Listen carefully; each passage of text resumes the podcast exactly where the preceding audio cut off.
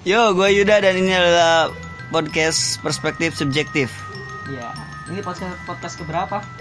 Podcast ke episode. Nah, ini podcast pertama kita ya. Oh, ini podcast pertama kita. Gue lagi bareng sama Aji. Halo. Eh, dia itu orang pertama yang bi yang ngajak gue buat bikin podcast. Dan akhirnya baru Sampean juga ya. dan akhirnya kesampaian juga rekaman sekarang. Setelah ayo ayo doang. dan Rencana menunjukkan kalau kita ini bukan tim Ayo. Oke, siap. Terus langsung mau Jadi ngomongin kita mau ngomongin apa? Oh, gitu. ngomongin apa nih, Matri? Hari ini kita mau ngomongin tentang fenomena Pilpres 2019. Iya, Pilpres 2019. Karena menurut gue sekarang udah mulai agak meresahkan di antara para pemilihnya, khususnya teman-teman gue. Sebenarnya ini ini berawal dari keresahan kita kan. Kita, Kita. ngomongin ini karena berasal dari ini apa sih topik bahasan kok ke situ terus gitu kan. Jadi Kita kita, ngomongin apa jadi kita ngomongin pendidikan ke situ, kita Hmm. ngomongin sosial ke situ, kita ngomongin apa pun aja, kita ngomongin botol aqua aja pasti ke situ gitu. Teman-teman gue kayak gitu. dari teman-teman. Teman-teman lu kayak gitu. sekarang ya. Kesal aja sih. Sebenarnya ini materi eh, dari semenjak lu mau bikin podcast gue udah siapin. Ternyata, ternyata lu gak setuju sama materi materi gue itu materi terlalu kaku sebenarnya ini ini sebenarnya sudah diralat ya dari materi tadi. Udah diralat kita sempet rekaman tadi dan diralat sama dia. Katanya terlalu kaku terlalu terlalu saklek lah. konteks gitu, gitu kan. konteks. Jadi dia pengen ngobrol biasa aja. Oke gue sebenarnya bahasan kita tentang apa nih fenomena pilpres di tahun 2019 ini tuh kayak bahasan apa ya? Dibilang bahasan tidak penting tapi emang buat eh, untuk mengisi kegabutan kita. Jadi iya kan kegabutan kita tuh bisa tidak penting tapi dengan adanya fenomena bahasan yang gabut ini bisa jadi penting gitu. Bisa jadi penting. Sebenarnya bahasan kita ini ya emang nggak bisa merubah apa pun gitu. Apa yang kita ngomongin sekarang tidak bisa Ya, merubah bisa, situasi emang. sekarang ya kan? Tapi emang untuk mengisi kegabutan sih nggak sih iya kita juga bebas bersuara dong. Ya boleh.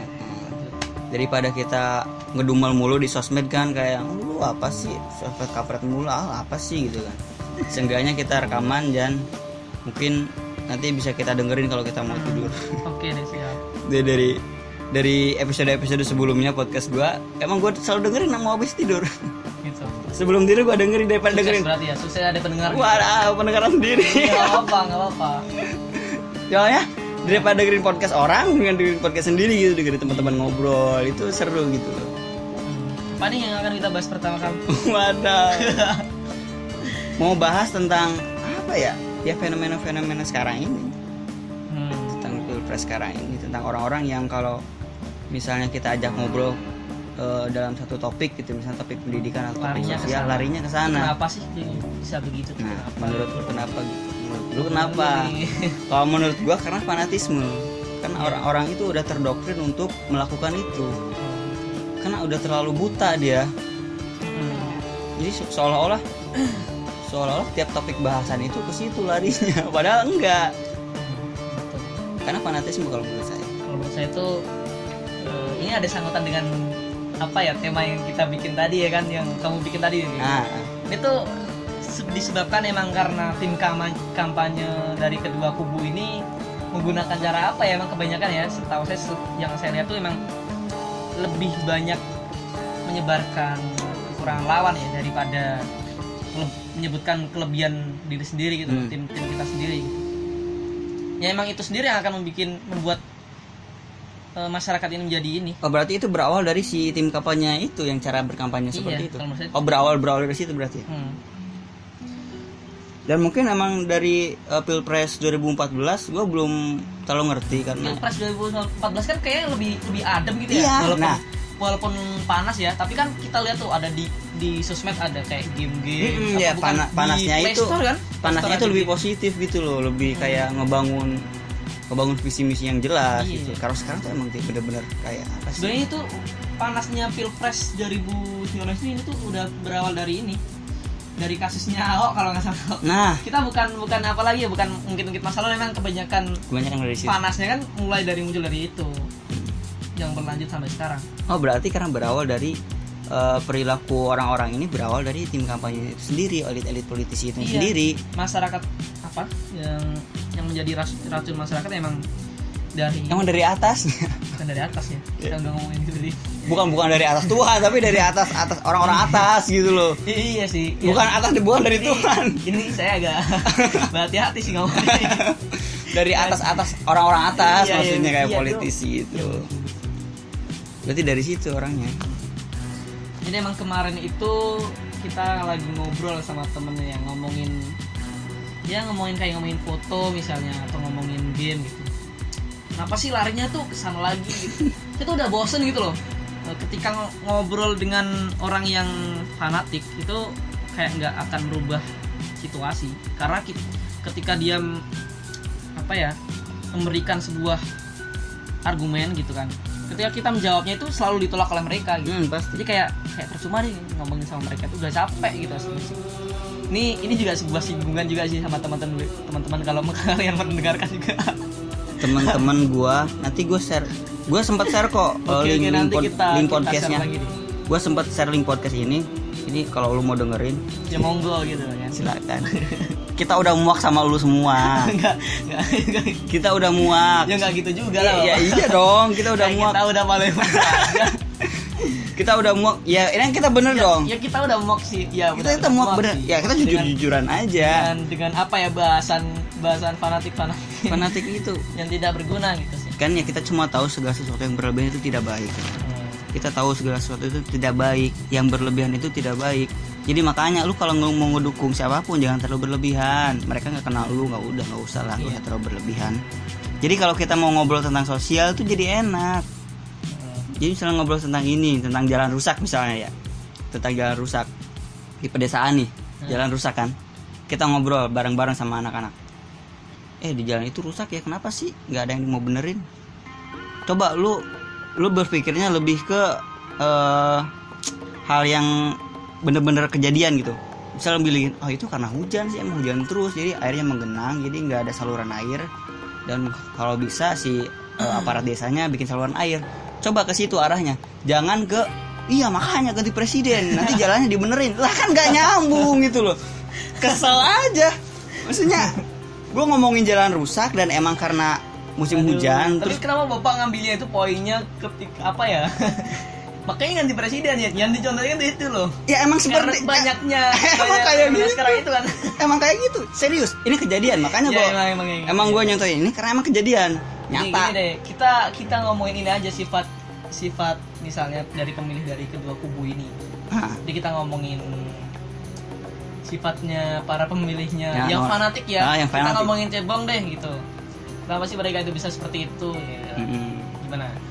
kalau dari dari cabang dulu berarti ya cebong dulu boleh. kenapa dia bisa seperti itu karena mungkin dari ngelihat si paslon nomor 2 nya tidak sesuai dengan apa yang mereka harapkan Oh, berarti kayak misalnya track recordnya dia Ah. kasus-kasusnya dia zaman dulu ketakutan dia akan kebangkitan apa pun itu berarti itu disebabkan oleh cebong ya hmm. eh, apa eh, kenapa cebong bisa bersifat seperti itu berarti karena disebabkan oleh kampret gitu Hmm.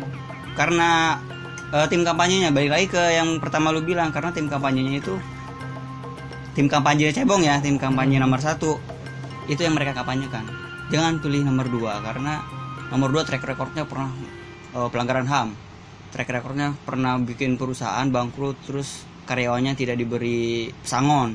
Atau karena dia adalah menantunya orde baru atau kayak gimana gitu tapi kan Pak Jokowi juga menyebut menyebutkan apa ya kelebihan kelebihan di debat kemarin kan? Kelebihan-kelebihan paslon dua. misalnya bukan kelebihan diri sendiri ya, ya makanya. Waktu itu Pak Jokowi ditanya kan ada yang apa tuh eh, apa namanya ada misalnya kayak pujian gitu loh buat Pak Jokowi eh, kan? Ah. ada ini enggak pujian buat Pak Jokowi Pak Prabowo enggak gitu? Ah. enggak enggak cukup yang ini Pak Jokowi kan? Jadi Pak Jokowi kan udah udah menyebutkan kelebihan diri sendiri tidak hanya menyebutkan kekurangannya dia kekurangan lawan. Tapi emang menekankan di situ ya kan? Iya emang emang itu yang ditekan. Ya kalau dipresentasikan itu dia mengkampanyekan kekurangan lawan 70% kele- kelebihannya dia ya cuma 30% program dan visi misinya cuma tiga ya gue juga nggak tahu visi misi Prabowo Jokowi itu apa nggak tahu sama sekali. Karena mungkin karena yang yang garis-garis besarnya program kerjanya itu kartu kalau Iya. Jokowi itu kartunya banyak. Kalau ya infrastruktur juga nah sih kalau nomor dua Sekarang. tuh kartunya cuma satu. Itu doang sih yang gue tahu. Selain berarti itu nggak nyimak debat nih. Nggak nyimak males. Ya udah cuman highlightnya doang. ya. Heeh, highlightnya doang. Karena isinya debat cuman saling Pak, saya tahu Pak Prabowo punya ini. Kita terus kita terus, ngomong terus Pak, Pak, Pak Prabowo bilang oh pemerintah sekarang kebobolan APBN Iya, sih iya, gitu. iya, iya. jadi gitu. ngebahasnya itu kita ngomongin sedikit gini boleh gak sih? Kita ini milih siapa gitu. Boleh. Lu tuh milih siapa gitu loh. Boleh.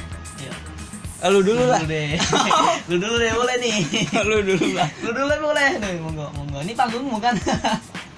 Gue milih siapa? Sebenarnya masih ragu sih. Kita sekarang nih kita berbicara kalau- politik. kalau orang lain melihat ya mungkin ini antara cebong dan kampret gitu. Kita berdua ini cebong dan kampret. Tapi emang e, kalau menurut saya enggak sih bukan cebong dan kampret karena cebong dan kampret itu tidak bisa duduk berdua berdiskusi itu nggak bisa kalau menurut saya. Berdiskusi politik dengan Ya, damai. dan damai itu. Sedangkan kita kan ya emang emang lagi sama-sama malas ya sama-sama resah gitu Nah, dengan soal- adanya soal fenomena sekarang ini kan. Kalau menurut lu gimana? Kenapa kak lu sendiri milih milih ini? Sebentar sa. Jokowi coba. Bentar dulu. Emang gue pernah ngomong sama lu? Gue nomor satu loh. Eh, kenapa pernah nggak? Tadi Pernah nggak? itu. Pernah tadi bilang gitu kan? Pernah Ada nggak? nyeplos tadi. Sensor tadi ya. serius gue nggak pernah bilang sama Aji kalau gue pilih nomor satu nggak nggak pernah ya tapi mungkin karena dari Pernah setiap- kok. kapan Temen juga ada yang yang tahu kok. ya maksud gue minum Tadi bilang loh, tadi bilang loh. Jadi kenapa? Menurut lu sendiri kenapa sih milih? oh gue Ya. kenapa minum Satu, karena gitu. gue nggak nggak ngelihat tim kampanyenya gue nggak iya. ngelihat apa yang dikampanyekan dia bodo amat gitu ya. bodo amat sama tim kampanye itu ya. bodo amat sama mereka Hmm. yang gue pikir aja eh, siapa orangnya siapa orang yang mencalonkan diri Hmm, hmm, hmm. ya kayak itu ya nomor satu sama nomor dua ya Jokowi sama Prabowo gue ngelihat mereka berdua gue nggak ngeliat tim kampanyenya gue nggak ngeliat pendukungnya siapa gue nggak ngeliat di belakangnya siapa kadang kan sekedar melihat Pak Jokowi saja gitu ya. ah melihat dia dia yang plok udah itu aja kan kar- sekarang kampanyenya lihat lah siapa di belakangnya dia Habib Rizik Ustadz ini Ustadz ini yang di belakang dia Ahok terus Haritanu gitu. kan gitu Hmm, iya. kan kampanye banyak kayak gitu Iya. gue nggak rasional gue lebih rasional ke orangnya iya gitu ya meskipun masih dibilang dia bisa kayak boneka masih bisa dikendalikan tapi gue lihat dia dia gue yakin dia kerjanya tulus Iya. Apa apa berarti memilih itu hanya karena keyakinan aja? kayak kayak gue yakin aja kalau kerja dia tulus Nah. sedangkan data-datanya nah. emang emang yang sedang beredar tuh gimana? Ya emang yang dimaksud emang yang sedang beredar tuh kan iya. Gue akuin yang kasus novel seharusnya bisa dibongkar. Iya. terus kayak yang pemilihan wakil presiden seharusnya bisa yang lebih baik jangan itu iya ya bukan bukan berarti Mahfud Amin gak baik cuman ada yang lebih baik gitu loh ada yang lebih baik Mahfud Oke, MD gila. Maksudnya Iya. kan? Saya dulu mengarahkan juga gitu kan kenapa sih nggak Pak Jokowi? Ini agak dulu agak agak menyesal juga. Agak nyesel. Terus di debat wapres juga kok Maruf infrastruktur langit gitu. agak agak kesel juga tapi saya milihnya tetap ke nomor satu karena gue lihat dia kerjanya tulus terus dia merakyat dia lebih Iya. dekat sama rakyat gitu. Berarti berarti emang emang dia lahir dari rakyat melihat kalau Pak Prabowo ini tidak dekat dengan rakyat enggak enggak ke lebih melihat Pak Jokowi gitu. Mm-mm. kalau soal rakyat tapi kalau soal diplomasi sama ketegasan dalam pemerintahan ya emang Prabowo nomor satu kalau kata gue pasti memilih Pak Jokowi karena? Karena dia tulus kerjanya terus karena dia lebih merakyat karena benar-benar keadilan sosial bagi seluruh rakyat Indonesia tuh ada di dia. Ini kalau kita ngomongin sebagai jebong kampret ya yang dibahas ini sama Yuda ini langsung dibantah. Langsung dibantai serius gak sih? serius gak sih? iyalah. Tadi bilang apa sih? karena Pak Jokowi itu tulus gitu kampret denger kata-kata itu tuh udah langsung weh gila ini ngomong tahu lu? tulus dari mana? Lihat lu subsidi di di nggak adain PLN naik bahan bakar naik ini naik subsidi hilang apa segala macam. Pasti digituin. Ya gue dulu pernah dukung pernah suka ya bukan dukung pernah ikut nggak pernah ikut kampanye. Pernah suka sama Pak Jokowi itu ya karena apa ya memang dulu pernah ngeliat tulusnya sih. Apa tuh? Tapi kan emang infrastruktur. Yep. Emang karena infrastruktur ngeliat Pak Jokowi ini. Terus karena pemerataan ya menurut saya itu. Hmm. jadi misalnya di presiden-presiden sebelumnya itu misalnya Trans Papua. Kita lihat aja Trans Papua. Lu kan nggak ada tuh. Nggak ada. Tapi di masanya Pak Jokowi ada gitu. Ada. Daya maknya itu karena saya pengen dulu sempat suka. Dulu sempat. Sekarang udah udah pindah hati kayaknya udah pindah hati. Karena apa? Gua karena gua gua nggak nanya lu pilih nomor dua kenapa ya dia yang jelasin sendiri loh? Tadi bilang apa? Dulu kan? Iya. Ya, nanya mancing siap mancing. Berarti sekarang gua nanya kenapa lu milih sekarang pindah pilihan? Sebenarnya eh, pindah dari satu ke dua itu karena karena emang perasaan dari hati dulu ya. Ya sebenarnya dari dulu udah udah kepengen kepengen gitu sih. Terus ke trigger sama janganlah jangan ke situ lah. Ya nggak apa-apa lagi. Nggak apa-apa santai aja. Jangan ke situ lah jangan ke situ lah. Ya emang emang karena sebenarnya itu karena kekecewaan ya mungkin ya. Karena emang melihat melihat situasi sekarang sih. Kalau kalau saya sendiri ini ini ngomongin kalau kalau ngomongin itu tuh disebut coba ngapain gak sih? Enggak nggak apa-apa. Enggak kan? Enggak kan tadi saya Emang- juga bilang. emang karena apa ya? Karena saya dukung dua itu emang karena kekecewaan dengan masa pemerintahan sekarang. Gitu. terus mengharapkan adanya perubahan dengan isu-isu sekarang dengan ke- fenomena keadaan sekarang itu kan panas gitu loh. Nah saya tuh mengharapkan kalau dengan adanya perubahan ini kan pengen ada yang perubahan.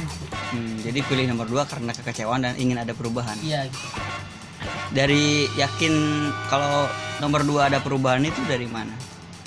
Ya, karena- pastinya lebih baik dong pasti berubah lebih baik dong. Iya. kenapa? Karena banyak sih kalau ngomongin itu kita nanti di, dikategorikan dong. Enggak apa saya sendiri kan. Kategorikan kampret ya kan saya sebagai cebong yang nanya kamu sebagai kampret ya nggak apa-apa dong. Itu cek kan nggak bakalan nyangkal atau melawan cek cuma mempertanyakan apa yang bisa buat kamu yakin kalau milih nomor dua itu bisa lebih baik perubahannya? Tegas. Karena dia tegas. Tegas ya tegas. Hmm. tegas terus misalnya ya dari wakil juga saya berat sih Iya, pasti berat kalau wakil tuh. Saya berat ke Pak Sandi kalau yakin.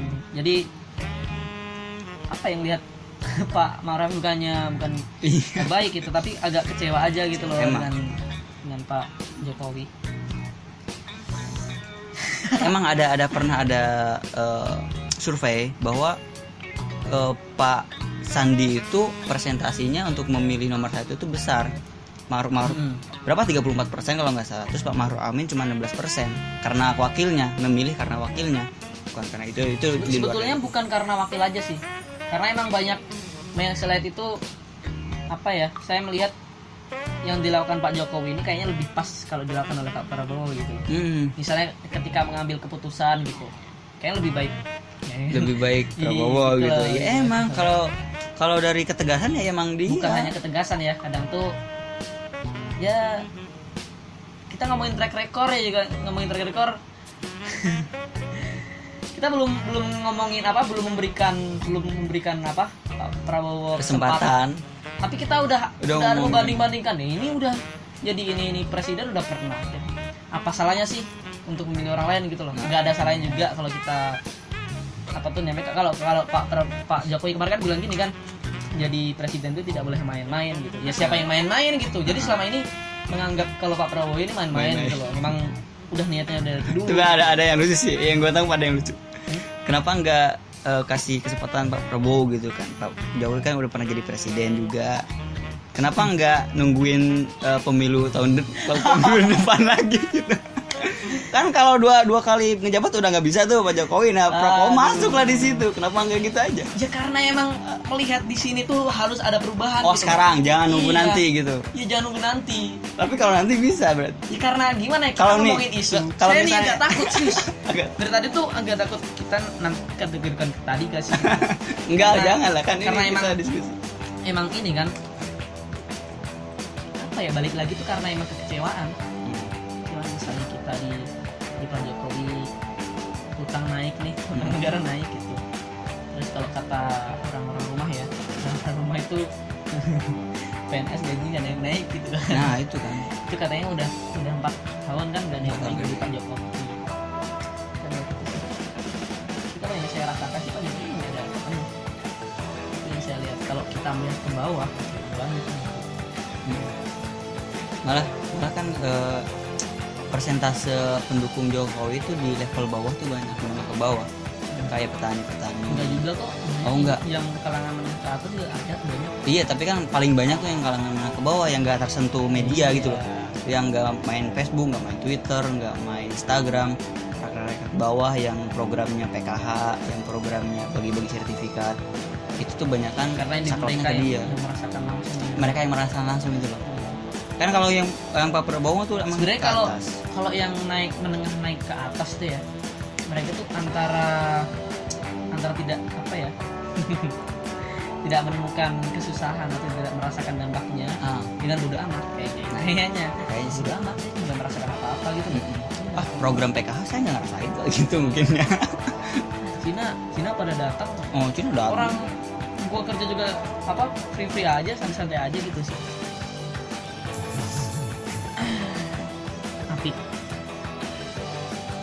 hidupnya? Hidup. Oh baterainya habis. Cesan aja nggak cesan cesan cesan cesan lagi seru nih. Enggak jangan dikat lah. Aduh. Soalnya tadi kontekstual udah udah hampir 10 menit di cut sama Aji. Kesal gua. Sekarang udah 20 menit masa mau di cut lagi? Oh, tadi sebenarnya mau ngomongin tentang fenomena-fenomena perilaku pemilih tentang kenapa orang milih karena kekurangan lawan bukan kelebihannya. Tapi karena Aji tuh kayaknya nggak setuju sama sama materi ini akhirnya dia bikin materi sendiri bangsat. Parah gue ah katanya dia terlalu sakot katanya terlalu menjurus terlalu to the jadi dia kayaknya mikirnya susah. Jadi akhirnya dia memutuskan untuk eh ya spontanitas aja gitu kayak ngobrol biasa aja. Ya karena dia narasumbernya gue bisa apa enggak lah. Oh enggak lah. Emang denger gak ngomong? Emang denger gak ngomong? Enggak lah. Enggak enggak juga. Kita bahasanya agak melebar ya karena emang baru pertama kali bikin saya juga pertama kali bikin. Tapi sampai mana tadi? Kayak apa tadi ya? Karena eh, yang golongan atas tuh tidak men- merasakan dampak langsung dalam kepemimpinan Pak Jokowi. Akhirnya dia merasa ah kayaknya gue nggak ngerasa apa-apa deh biasa aja gitu. Iya. Ya ya iya terus lanjutin. Betul ya emang setuju. Emang sebenarnya semua program-program Pak Jokowi itu untuk menengah ke bawah kata gue jadi yang kalau yang golongan ke atas tuh kayak yang mana sih? Program Pak Jokowi untuk yang kalangan menengah ke bawah tapi kenapa yang memakai tol itu bukan bukan yang menengah ke bawah. mungkin kebanyakan yang infrastruktur itu kan salah satunya. Tapi kan program-program kayak kartu-kartu gitu emang buat menang ke bawah. PKH itu kan buat menang ke bawah. banyak yang apa? Banyak yang misalnya apa tuh namanya? Jadi yang kemarin kemarin itu banyak infrastruktur apa ke program-program kayak kartu-kartu gitu yang sekarang yang 4 tahun yang menghabiskan uang gitu loh intinya. Menghabiskan uang. Larinya ke mana ke infrastruktur? Iya kan tapi infrastruktur kebanyakan lari ke mana ya? infrastruktur. Apa dari ke mana? Untuk lari ya iya ke mana?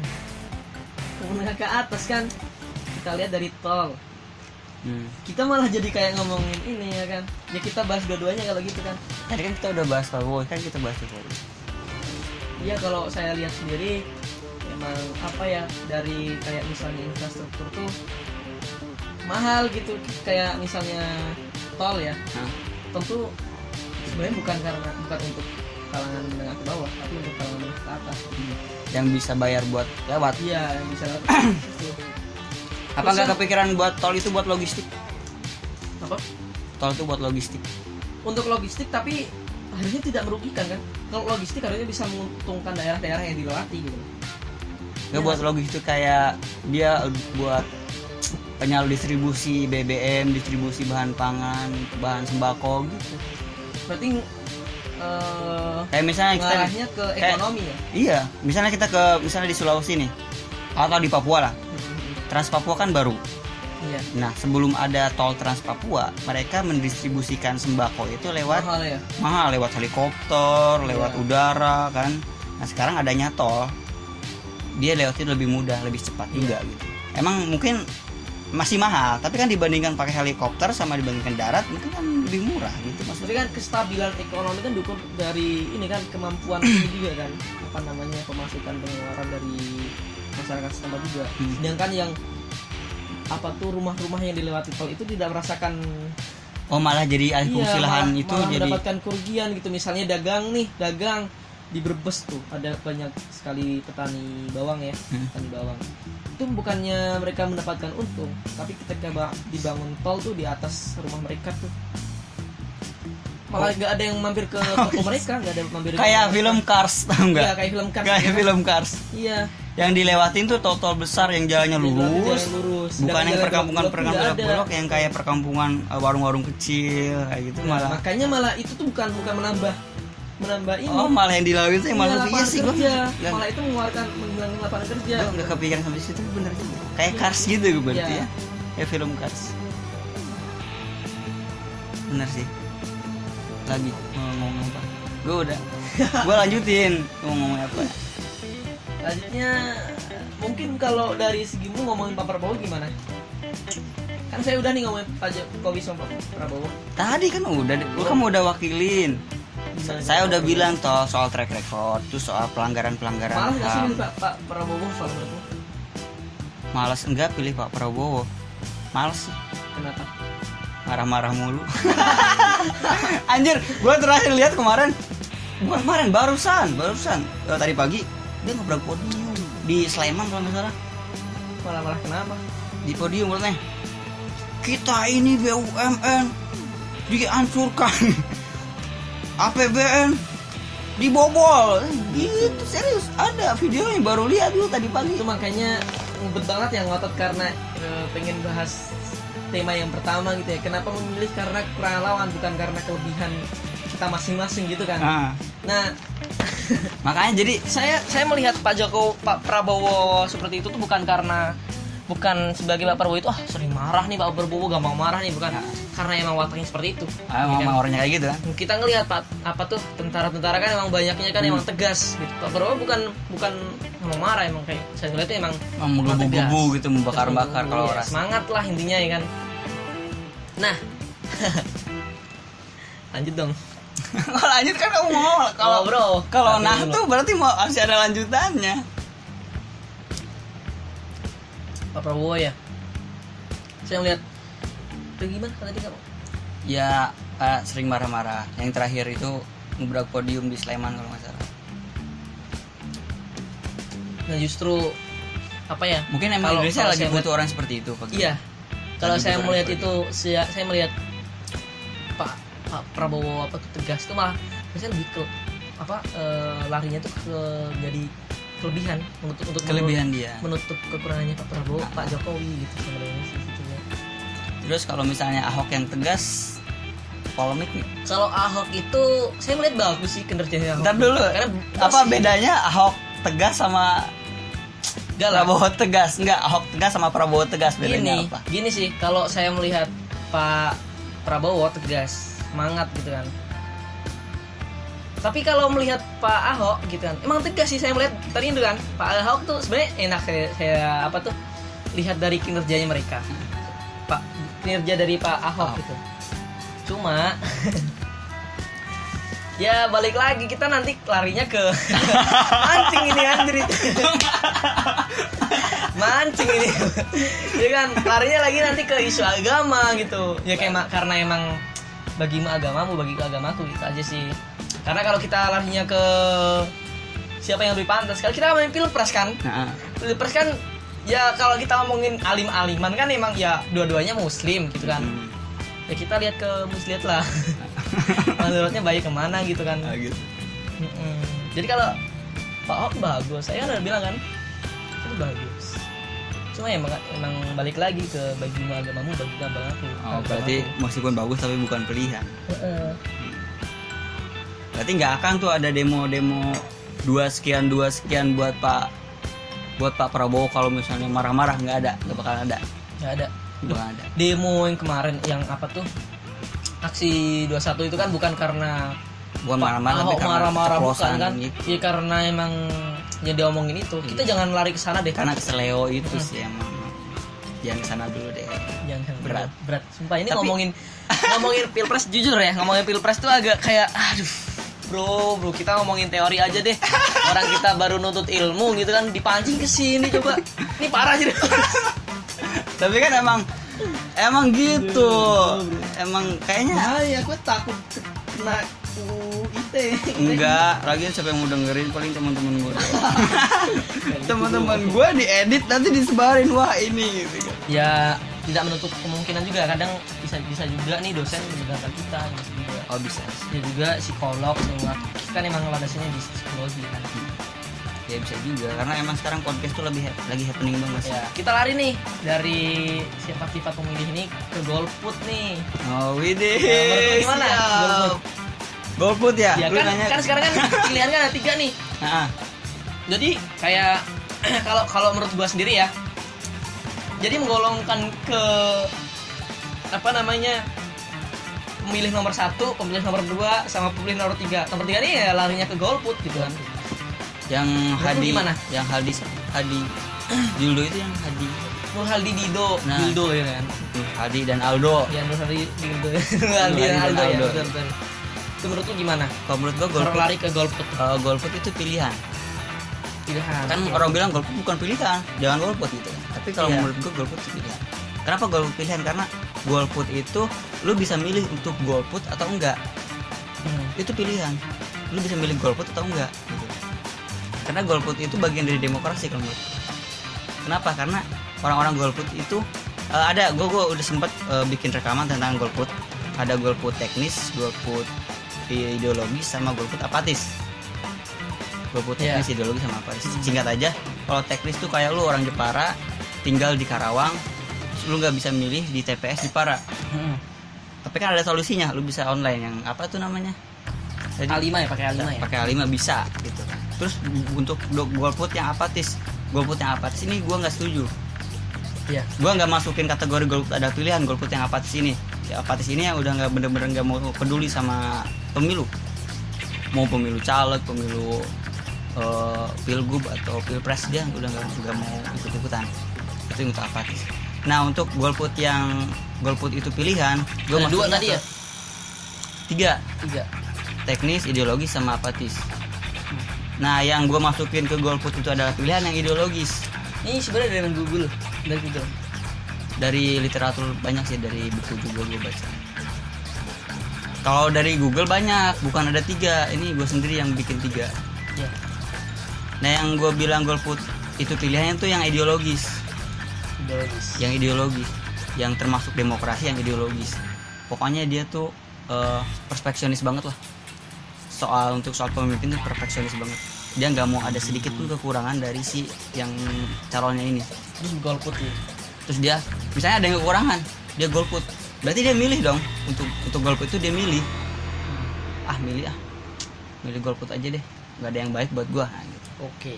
itu dari gua tentang golput itu. Golput itu adalah pilihan tapi nggak semua orang golput itu adalah pilihan. Cuman bagian dari ideologis itu yang gue bilang golput adalah pilihan. Itu menurut gua. Kalau gua sendiri ya ngolongin ini kenapa aku ngomong gua lu gitu. nggak apa-apa. Ya ya kan? nggak mau gimana lagi? Ya gue pasti kemarin nih, gue kemarin ikut ikut public speaking. Ya. seminar di Gerenta Rumah. Itu yang yang gue jadiin postingan Instagram lihat nggak? Lu nge like gak kalau gue lupa deh bapak. gue ikut. Kita kita lanjut aja Ntar langsung. dulu, ntar dulu, gue ikut, gue ikut seminar itu. Kan dibuka sesi pertanyaan dong kalau bisa seminar. Gue tanya bang nama saya Yuda. Jangan panggil saya. Gua lu aja. Lu kaku amat sih. Digituin coba. Bangsat kan anjir. Emang biasanya saya kan kalau nanya nama Iya. saya gini. Tapi dia bilangnya pakai gue jadi lu mau pakai gue juga ya nggak apa jadi ngikutin Tahu, tahu. aja Oke deh. Eh, enggak sih karena soal golput gimana Dan kalau menurutku ya, menurutku tuh golput ini kalau aku sendiri nggak menggolongkan ke banyak yang misalnya golput itu ada dua ini, Ah, bukan gitu. Nah, kalau aku menggolongkannya emang karena golput emang emang pilihan. golput berarti setuju golput itu pilihan pilihan. Demokrasi bukan pilihan ya. Karena ini bagian dari demokrasi Nah, golput- pilihan ya. nah. Nah, nanti nanti larinya ke pilihan gitu. Nah, dia emang golput ini demokrasi makanya eh, menjadilah golput ini sebuah pilihan gitu hmm. tapi kita tidak bisa apa ya langsung menyalahkan kadang kan ada orang orang tuh yang tiba-tiba "Eh, jangan golput lu gitu kan Hmm. jangan golput golput tuh gini gini gini lu tuh goblok ini jangan goblok ada teman goblok." gue ada teman gue yang mau golput terus dibilang sama yang lain oh golput lu nggak demokrasi padahal dia nggak tahu kalau demokrasi itu ya ada di golputnya itu. Ya sebenarnya jangan jangan mengkategorikan orang yang golput itu adalah orang yang salah ya. Hmm. mereka itu orang-orang yang apa ya, Orang yang kasihan. kan kasihan yang nggak ya tahu kan, mau milih siapa. nggak tahu. Kadang bukan bukan bukan hanya kasihan ya. Kadang tuh ada emang emang dia tuh bangsat gitu. Yang yang golput ada yang bangsat emang emang bangsat. Karena apa? Karena dia tuh sebenarnya dia tahu pengen milih ya. Tapi dia tidur aja di kos gitu kan. Bikin kopi gitu kan nonton Ngomongin- anime gitu kan. ngomongin Arya. Kok ngomongin Arya sih? Karena ada eh sorry nih kan ada kopi. Sorry sorry ada dengerin. Bukan. Oh Bukan. Bukan gitu lah emang kepikirannya kopi. Saya juga suka bikin kopi. Kok gitu. Nih ini nih gibah nih nanti lainnya. Abis bikin podcast gibah. Gibah. Bukan pak. Emang emang ada yang bang bangsat. Karena apa ya? Mereka itu eh, tidak mau memilih itu karena karena mereka males gitu males nih. Berarti itu kalau mending liburan aja berarti gitu kan. kalau yang tadi gue bilang yang itu salah. itu yang apatis. Itu yang nggak mau Iya, tahu. itu kayak gitu sih. Dan yang dan ada. yang satunya itu yang emang kasihan karena mereka tuh nggak tahu apa apa jadi mereka itu bingung. Oh milih saking bingungnya dan saking apa ya malesnya dengan fenomena sekarang kan mereka itu akhirnya ah ogah deh nanti dulu deh gitu. Males kan Ada ya kita tidak bisa menyalahkan mereka gitu kan. Kasihan juga mereka itu kasihan dengan adanya isu-isu sekarang lah Mm-mm. hoax hoax sekarang yang bangaran Jadi lu juga nggak nggak terlalu menyalahkan orang yang golput dong, nggak nggak bilang golput lu nggak tahu politik nggak gitu dong. Ada ada yang bilang kayak gitu, oh golput lu nggak tahu politik sih nggak demokrasi, apa gitu. Lu tahu apa? gitu. ya gimana ya kadang tuh ada orang yang pengen mencari tahu ya tentang politik sekarang gitu Tapi ketika ketika dia ingin mencari tahu ketika dia ingin apa tuh baru membuka sosmed yang keluar itu bukan fakta-fakta tapi banyak sekali hoax gitu loh pak. Jadi mereka itu males aja melihat fenomena sekarang. Buka Facebook keluarnya itu. IG keluarnya itu. YouTube trendingnya apaan coba sekarang tuh? Ya kan nggak jauh-jauh dari pilpres gitu. Kalau mereka emang bingung udah mentok ya terserah mereka gitu Ya udah gitu. terserah mereka Sama mereka tapi mau- tapi saya nggak bilang kalau golput ini bener loh ya enggak. nggak bilang nggak bilang Tapi saya berarti sependapat dong golput itu bukan berarti dia harus kita hinakan gitu kan? ya Enggak dong. ya hina juga ya hina juga buat buat yang mereka malas-malasan di rumah Nah gitu. itu yang hina, Iya. maksudnya yang golput yang bener-bener kayak kalau yang kalau golput karena orang-orang ini bingung itu bukan bukan hina sih dia itu itu kayak kalau menurut saya salah salah dari tim kampanye Tim kampanye. sekarang sih. Nah, berarti Dari- masuk ke fenomena iya, kenapa orang politik memilih. sekarang sih. betul ke situ lagi salahnya ada tuh dua gosip yang mengharamkan golput. Gue lucu bacanya. Itu bukan mengharamkan ya? Ada ya orang timelinenya itu thumbnailnya mengharamkan gitu. Ya gue juga bacanya mengharamkan dong ya sebenarnya bukan mengharamkan ya menyarankan kalau saya melihat itu menyarankan untuk tidak jadi golput kan? jadi ketika karena gini kamu golput karena apa? Karena males gitu kan? Karena males. Kalau kamu golput berarti nanti orang-orang yang kapitalis ini kapitalis yang radikal yang homoseksual misalnya yang gay yang lesbi itu mereka nyoblos gitu. Jadi kamu kamu sama saja membantu mereka gitu kan? Tidak memberikan pilihan. Berarti berarti golput enggak enggak sehina itu kan berarti iya dong Hina bagi mereka yang malas Yang tidur di kamar hina bagi mereka yang apatis gitu berarti kalau buat gue Tapi Ya, kita sebenarnya sepen- sependapat soal itu Iya sependapat. Emang emang sependapat sih. Mm-mm. terus mau ngomongin apa lagi udah Itu dulu sih. Capek kita ngomong ya. belum sejam masih 30 menit Gak ada yang denger juga. Ini kayak kayak orang ini kayaknya dengerin tuh dari awal terus tengah akhir. tengah tengah Akhir. tengah tidur akhir tidur ya udah itu. udah itu jadi poinnya gue mau eh, kasih poin sedikit tentang fenomena kalau orang-orang itu memilih karena eh, kekurangan lawan bukan karena kelebihan yang dia pilih itu karena ya tim kampanyenya itu tim kampanyenya itu meng- mengkampanyekan dirinya menggalang suaranya dengan cara menyebar hoax menyebar fitnah dan akhirnya terpengaruhlah sama si pemilihnya itu kan terus kita ngomongin tentang eh, antara cabang dan kampret ngobrol bareng dengan damai soal politik tanpa ada eh, fitnah-fitnah tanpa ada caci maki dari setiap orangnya. Yaitu eh, kurang setuju tentang cabang dan kampret itu. Lebih baik kita berbic- berbicara ten- tentang politik sebagai manusia bukan sebagai cabang atau kampret. Betul. tapi kita masih bisa tadi ngomongin kelebihan Prabowo. Gua ngomongin kelebihan Prabowo sebagai cebong Aji ngomongin kelebihan Jokowi sebagai kampret bisa berarti kita Kalau udah- lo yang melihat gitu lo gitu loh. kalau berarti kita kalau yang bisa lain, gitu sebagai iya. manusia bukan sebagai cabang dan kampret dan terakhir berarti kita ngomongin tadi tentang golput golput itu menurut kita itu adalah pilihan untuk orang-orang yang ideologis untuk orang-orang yang males eh untuk orang-orang yang bingung mau milih siapa Iya. gitu dan untuk orang-orang yang golput apatis yang nggak mau nyoblos dengan sengaja mending tidur di kosan atau mending- kalian bang, janganlah. mending tidur di Janganlah, sadar, kosan bro, gitu jangan mending gitu. liburan kalian terhinakan gitu. Iya. untuk teman-teman gue yang sering ngobrol nggak nyambung kalian fanatik men. Udahlah maksud gue Iya, kita tuh capek bro gitu. Capek ngomongin gitu tuh. ngomongin apa larinya ke situ larinya ke situ. Capek bro gitu. gue ngomongin jalan rusak ke presiden. Gue ngomongin warung bobol ngomongin presiden. Nah, apa sih gue ngomongin eh, kucing berak di kasur gue lu ke presiden jangan-jangan. Kan nggak gitu juga maksudnya. Jadi ayolah kita berpolitik sebagai manusia bukan sebagai cebong atau kampret. Ya biarlah mereka orang-orang atas sana politisi-politisi atas politisi senayan sana berkampanye seperti itu. Tapi kita Iya. bisa lah memilih tu- untuk tidak seperti itu. Itu aja dari gua. Aji ada ada kata-kata terakhir? Udah sih mau makan nih. Udah. Yuk bro. peace out Yes.